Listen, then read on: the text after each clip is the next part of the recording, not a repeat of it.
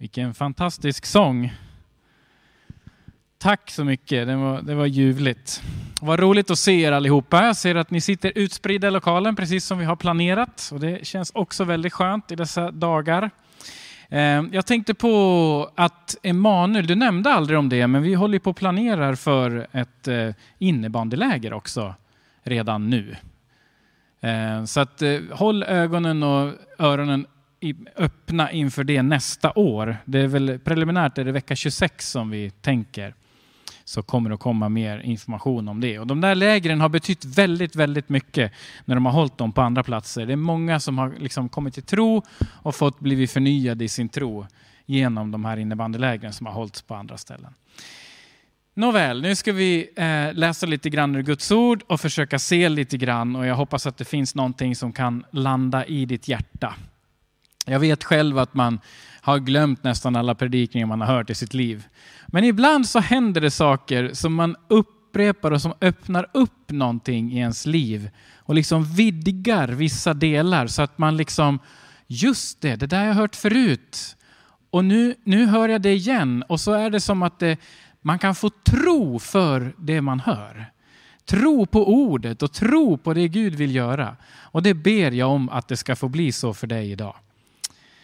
Tack gode Gud att du bara kommer med din närvaro och din helighet och din härlighet. Herre, jag ber dig far att du ska skapa liv i de här orden. Därför att jag uppfattar att åtminstone de jag läser ur ditt ord, de är från dig. Tack Herre för att du kan skapa liv i det så att det skapar liv i oss och att det blir en frukt i våra liv så att det blir en förändring och vi bara kan tacka dig. I Jesu namn, Amen. Det bibelord som jag utgår ifrån idag är ifrån Lukas 12 och 32. Och det var ett bibelord som vi tog med när vi skickade lite information inför den här gudstjänsten i veckan. Var inte rädd, du lilla jord. För er far har beslutat att ge er riket. Var inte rädd. Jag gick in och slog i en bibelapp jag brukar använda. Hur många gånger står det var inte rädd? Eh, och då fick jag fram 98 träffar. Så det här är någonting som återkommer, jag säger inte att det är på varje sida, men ofta i Bibeln. Hur Gud uppmuntrar olika personer och säger, börja med att säga, var inte rädd. Var inte rädd. Och jag tänkte bara nämna och påminna dig och mig om några sådana bibelställen lite kort. Första Mosebok 15 och 1. Då står det så här, därefter kom Herrens ord till Abram i en syn. Han sa, var inte rädd. Abraham, jag är din sköld, din lön ska bli mycket stor. Och det här var vid ett tillfälle, Abraham hade inte ens fått sitt namn att han var pappa till många, utan han hette det här kortare namnet Abraham. Senare fick han Abraham som namn. Och på den här tiden så var Abraham lite sur på Gud. Ja, han, han hade hört om att Gud ville välsigna honom. Och han hade hört om att Gud ville föra honom till ett land där han skulle få vara med och se att det blir ett stort folk. Och hur många barn hade han då? Noll, precis. Och vid det här tillfället hade han fortfarande noll barn. Och i en sån här hederskulturkontext som han kom från Abraham så var det här inte bra. Det var ingenting, men det var ju liksom att ha en stor familj var liksom ett tecken tecken för, för, eh, och kanske fortfarande ett tecken på liksom Guds välsignelse. Och han hade noll barn. Och, och, och, han liksom kom till Gud och, ja men det står i bibeltexten där, du Gud, det är Eliezer från Damaskus som kommer att ärva mitt, mitt liksom, min, mina grejer. Och det var liksom en, en som hade liksom kommit dit och hjälpt till och var, var liksom tjänare på något sätt. Jag vet inte om det var en slav, men det var i alla fall någon som, som kanske inte var eh, den han hade tänkt. Det var ingen släkting. Det, det passade inte in i kontexten för honom som att ha någonting att visa upp eller så. Och då svarar Gud så här, se upp mot himlen och räkna stjärnorna, om du kan räkna dem. Och han sa till honom, så ska din avkomma bli. Och Abraham trodde på Herren och han räknade honom det till rättfärdighet. Och det här är en rad att Gud räknade just den där överlåtelsen till Gud. Att han börjar på läsa eller räkna stjärnor och liksom, det går inte så bra. Gud, jag förstår inte hur det går till. Men om du lovar, okej, okay, jag försöker lita på dig. Och just det att, att, Abraham kommer fram till en punkt, jag försöker lita. Jag, jag, släpper taget om hur det ska gå till. Jag fattar det inte. Men Gud, jag, jag tror på dig. Jag lutar mig mot dig. Jag litar på dig. Jag sätter mig en liten stund i ditt knä och låter du vara Gud och jag är bara ett barn. Och så, och så får jag liksom lita på dig. Och så säger bibeltexten att det här var någonting som gjorde att Abraham blev rättfärdig. Och det här återupprepas sen i Nya Testamentet. Ja, kommer ni ihåg hur det var med Abraham? Hur var hans tro? Hur var han rättfärdig? Jo, genom tro. Och jag kan tänka mig själv att jag, jag har inte ens tålamod om jag ställer mig på Renberget i Stixlund och ska börja räkna stjärnor. Att det tar väl en 20 sekunder, sen har jag slutat räkna. En, två, tre. Alltså det, det är klart det går att räkna. Jag säger inte att bibeltexten säger att det inte går att räkna, för det går med kartor och, och allt möjligt instrument. Det är klart du kan räkna stjärnor. Men att bara ställa sig där en mörk vinterkväll och räkna, det är fascinerande. Men jag tappar räkningen riktigt fort. I första Mosebok 46, 3-4 så står det så här. Jag är din Gud, din fars Gud. Var inte rädd för att resa till Egypten, för jag ska göra dig till ett stort folk. Jag ska själv följa med dig till Egypten och jag ska också föra dig tillbaka därifrån och Josefs hand ska sluta dina ögon.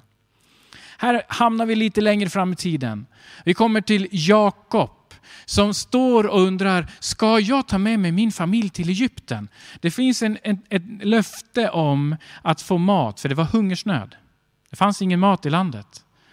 Men kanske visste Jakob att det faktiskt redan tidigare till Abraham står om att ditt folk ska också få lida 400 år.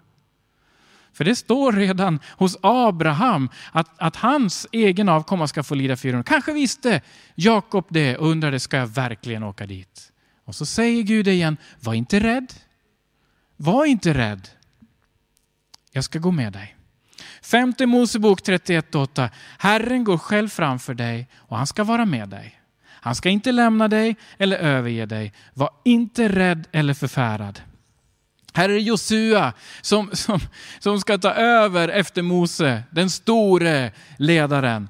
Och har säkert ingen aning om hur det ska gå till. Han blir lovad krig på krig på krig när han ska gå in i det utlovade landet.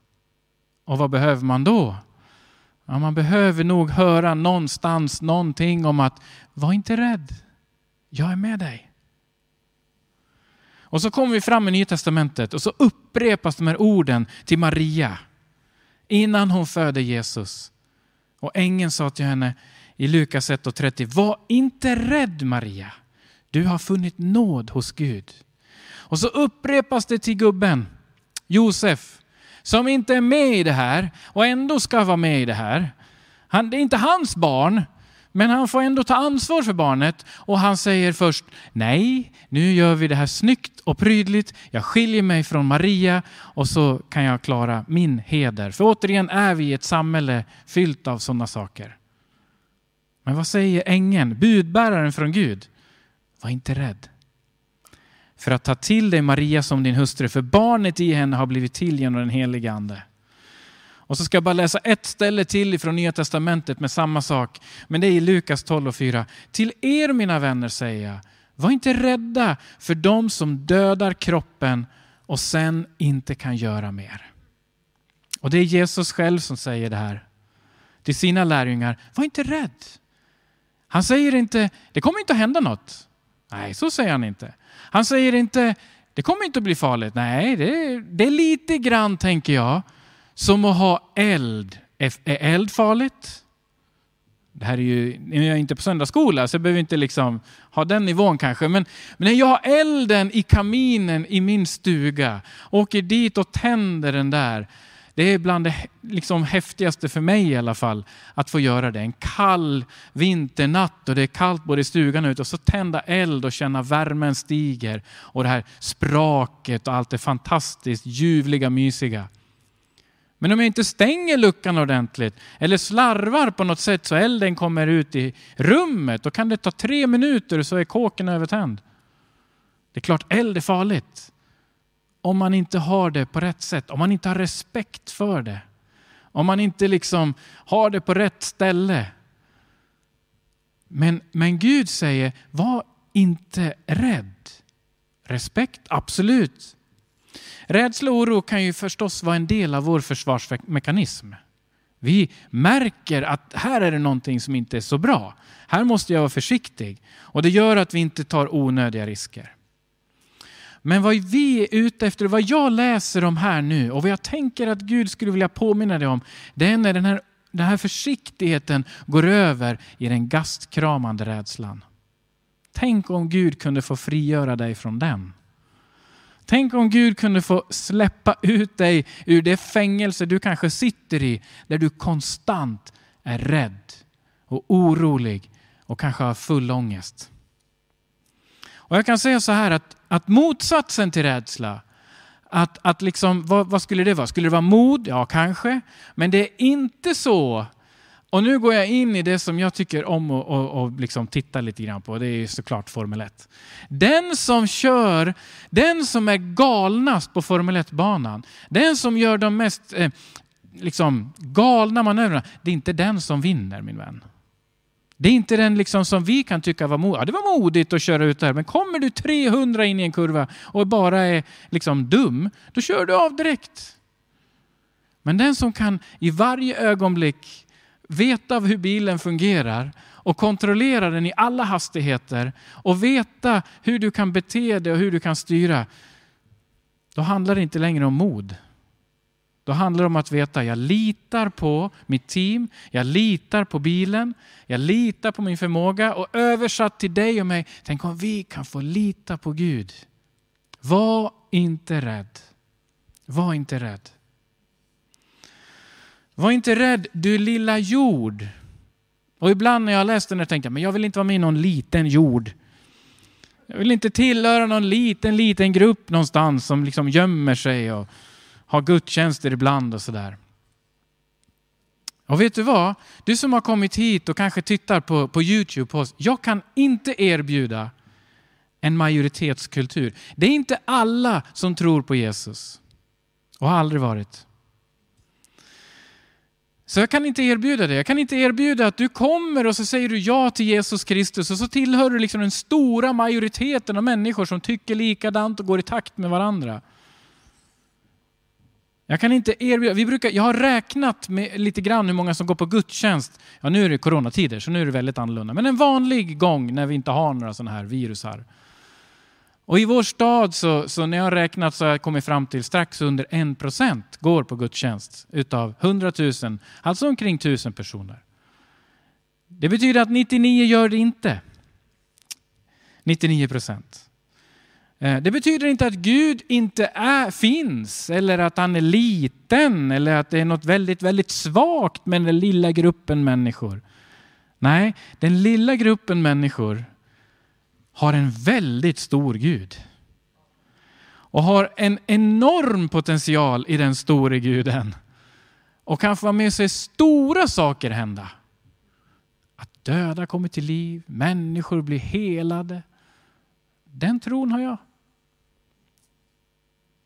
Men om du sitter med här och känner, ja men alltså okej, okay, inte en majoritetskultur. Men det viktiga är väl ändå att den kristna kyrkan är med och påverkar så att samhället går i samklang med Gud. Ja, det ligger på Guds hjärta. Det ligger på Guds hjärta att det ska få finnas regler och, och saker som också går i samklang med den kärlek som han vill visa. Självklart är det så. Men om du känner att det där är så viktigt, det är så viktigt hur vårt samhälle styrs utav, att det, det går i samklang med Gud. Och, så att du nästan känner att det skulle man ha fått tvinga sig till med makt och kanske med våld eller med yttre påverkan. Då vill jag bara säga så här. Vi följer Jesus Kristus. Vet ni vad han gjorde? Han kom till den här jorden för att dö. Han kom till den här jorden för att möta enskilda personer, för att uppmuntra, för att hela, för att hjälpa, för att ge sitt liv. Och han gav inte bara sitt liv för dem han mötte där nere i Israel på den tiden, utan han gjorde det för dig och mig och för alla dina grannar och alla dina arbetskamrater och alla de hundratusen som bor i Gävle. Och du och jag, vi följer Jesus.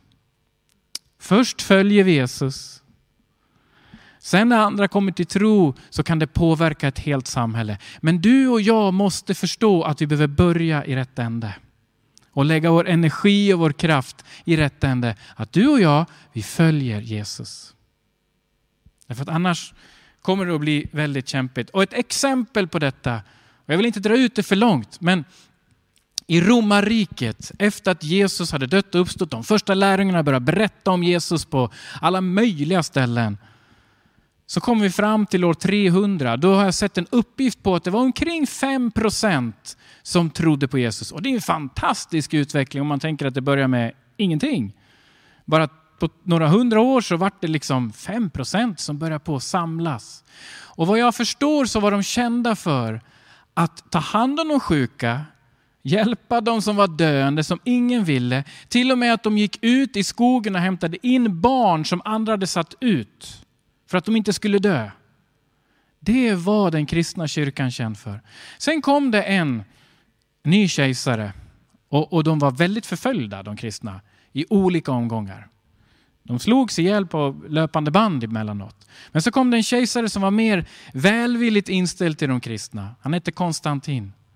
Och under hans regering så blev inte bara de kristna accepterade, utan de blev faktiskt de enda som blev accepterade. Men sen inom några år så hade miljoner blivit tvångsflyttade in i den kristna tron och så började man förfölja de andra. Det är ytterst sorgligt min vän. Och visst kanske lagarna i det samhället mer lirade med Guds ord. Så kan det varit. Men när jag läser historien så tycker jag det är så fantastiskt när kyrkan är känd för att hämta den som ingen ville ha, som var lämnad att dö. Att, att liksom lägga band på dem som hade sår och bry sig om dem som var små. Att få läsa om det, det gör mitt hjärta varmt. Men att läsa om striderna som kom efteråt om allt möjligt, ja, inte gör det mig glad i alla fall. Vet du, du och jag, vi följer Jesus. Först följer vi Jesus, så får vi se var det tar vägen. Du lilla jord, du lilla jord, min passion är verkligen att få fortsätta jobba med visionen att alla Gävlebor ska få en rimlig chans att tacka ja till Jesus. Och det kan bli stort och då tackar vi Gud och jublar för det. För varenda en som har sagt sitt ja till Jesus, den får sitt namn i Livets bok och den är räddad för evigheten. Och det är helt fantastiskt. Men jag räknar både med det ena och det andra. Jag räknar både med förföljelse och jag räknar med kamp. Och så jublar vi för varenda en som kommer till tro. Var inte rädd, du lilla jord. Var inte rädd. I Filipperbrevet så står det om Jesus på ett så fantastiskt sätt. Fastän han till sin natur var Gud ansåg han inte sin jämlikhet med Gud vara något att hålla fast vid. Nej, han avstod från allt antog en tjänares gestalt och blev lik en människa. Till det yttre blev han människa. Han gjorde sig ödmjuk och lydde ända in i döden, döden på ett kors. Därför har Gud upphöjt honom över allt annat och gett honom det namnet som står över alla andra namn.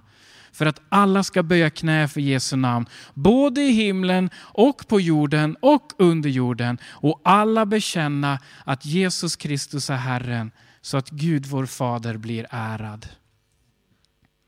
Det är den nedre vägen min vän att gå. Att först följa Jesus, kosta vad det kosta vill. Men avslutningen för den lilla jorden är någonting fantastiskt. Tänk att få stå inför Guds stora tron en dag.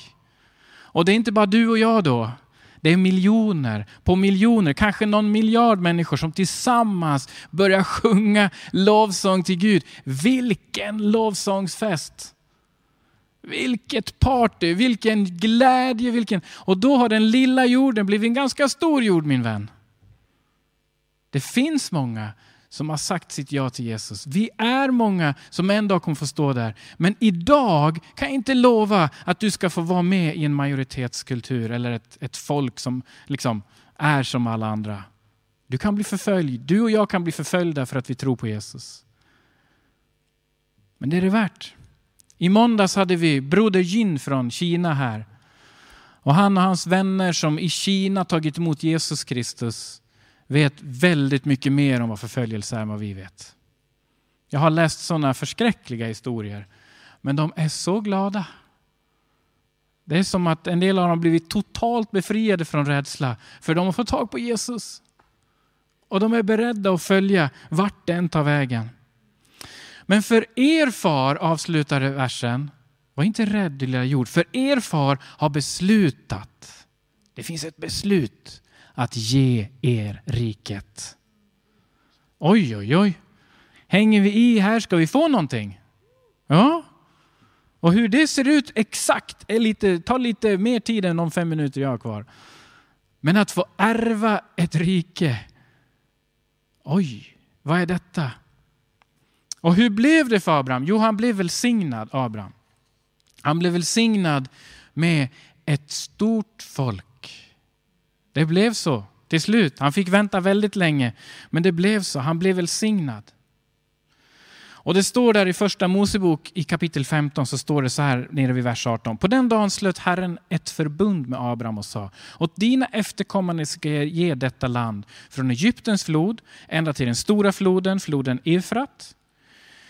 Eh, ända till den stora floden, floden Eufrat. Och så står det avslutningsvis i vers 19. Keniternas, genisiternas, kadmoerernas, kan knappt uttala det. Hettiternas, perisenas, rafaernas, amoreernas, kananéernas, girgashenas och jebusiternas land.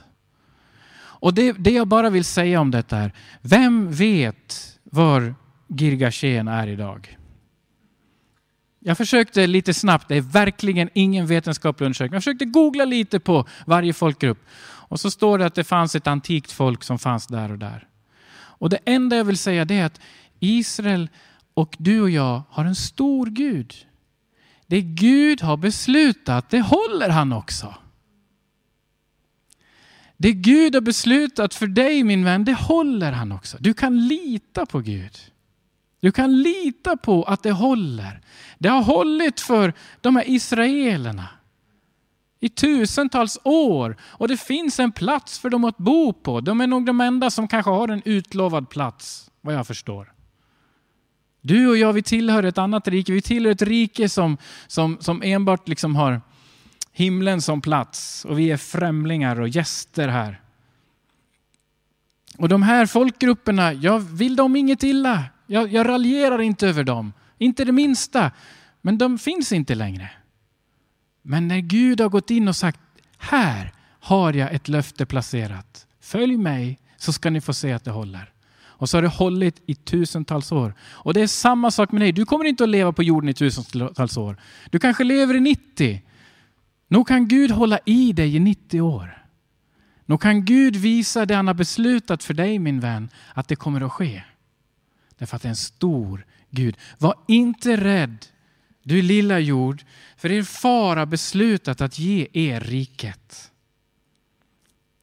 Och till slut så står det i Romarbrevet 14 och 17 så här. Guds rike är inte mat och dryck. Det är inte de här sakerna runt omkring. Utan rättfärdighet och frid och glädje i den helige ande. Tänk att få ha det vet du, som arv Tänk att få ha, att få känna att jag är rättfärdig inför Gud. Jag är, jag är, Abraham blev rättfärdig för han trodde, okej okay, jag tror. Och då säger Gud, jag har förklarat dig rättfärdig. Du har rätt förhållande till pappa Gud. Du får komma till Gud när du vill.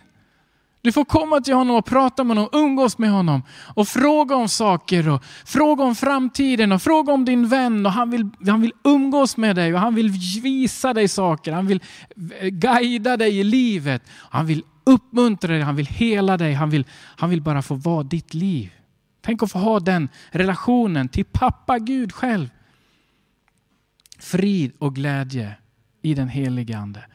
Det arvet är lovat för dig och mig min vän. Det är väl inget dåligt arv? Det är bättre än att ärva någonting som man får massa bekymmer med. Men att få, få ärva frid och glädje och rätt förhållande till Gud, jag tycker det är helt, helt, helt makalöst. Så det enda var att du och jag kan få börja luta oss till Gud. Göra som Abraham. Du kanske behöver gå ut ikväll och, och räkna stjärnor och tänka oj, oj, oj. Jag kan inte räkna dem. Men tänk att Gud vill ge mer av rättfärdighet, frid och glädje till dig än du kan räkna stjärnorna i natt. Och du behöver inte vara rädd. Vad som än kommer nästa vecka, även om du drabbas av sjukdom, även om dina grannar eller närmaste vänner drabbas av sjukdom, så behöver du inte vara rädd. Och blir du rädd så kom till Kristus och berätta det för honom. Så ska han ge dig av sitt, sin styrka, sin frid, sin glädje. Därför att det har du i arv. Och det kan du få plocka ut redan nu. Så nu ska vi plocka ut lite av arvet, tänkte jag. Nu ska vi be att du ska få fyllas av frid och glädje. Så att du verkligen, verkligen kan få se att jag har mött Gud idag. Jag gick och jag bad en bön och Gud var där. Ska vi blunda en liten stund? Så ska jag be och lovsångsteamet kan komma upp så ska vi gå över lite lovsång och tillbedjan. Men jag skulle få vilja få be för dig. Särskilt be för dig som är rädd idag. Som har känt dig rädd i veckan. Att du ska få se att Gud vill ge dig. Inte ett, en, ett mod utan respekt, utan en respektfullt mod där du kan känna frid och glädje att gå in i nästa vecka därför att du vet att Kristus Jesus går med dig. Och att det kan få bli starkare och tydligare och mer än alla stjärnor du kan räkna på himlarymden i natt.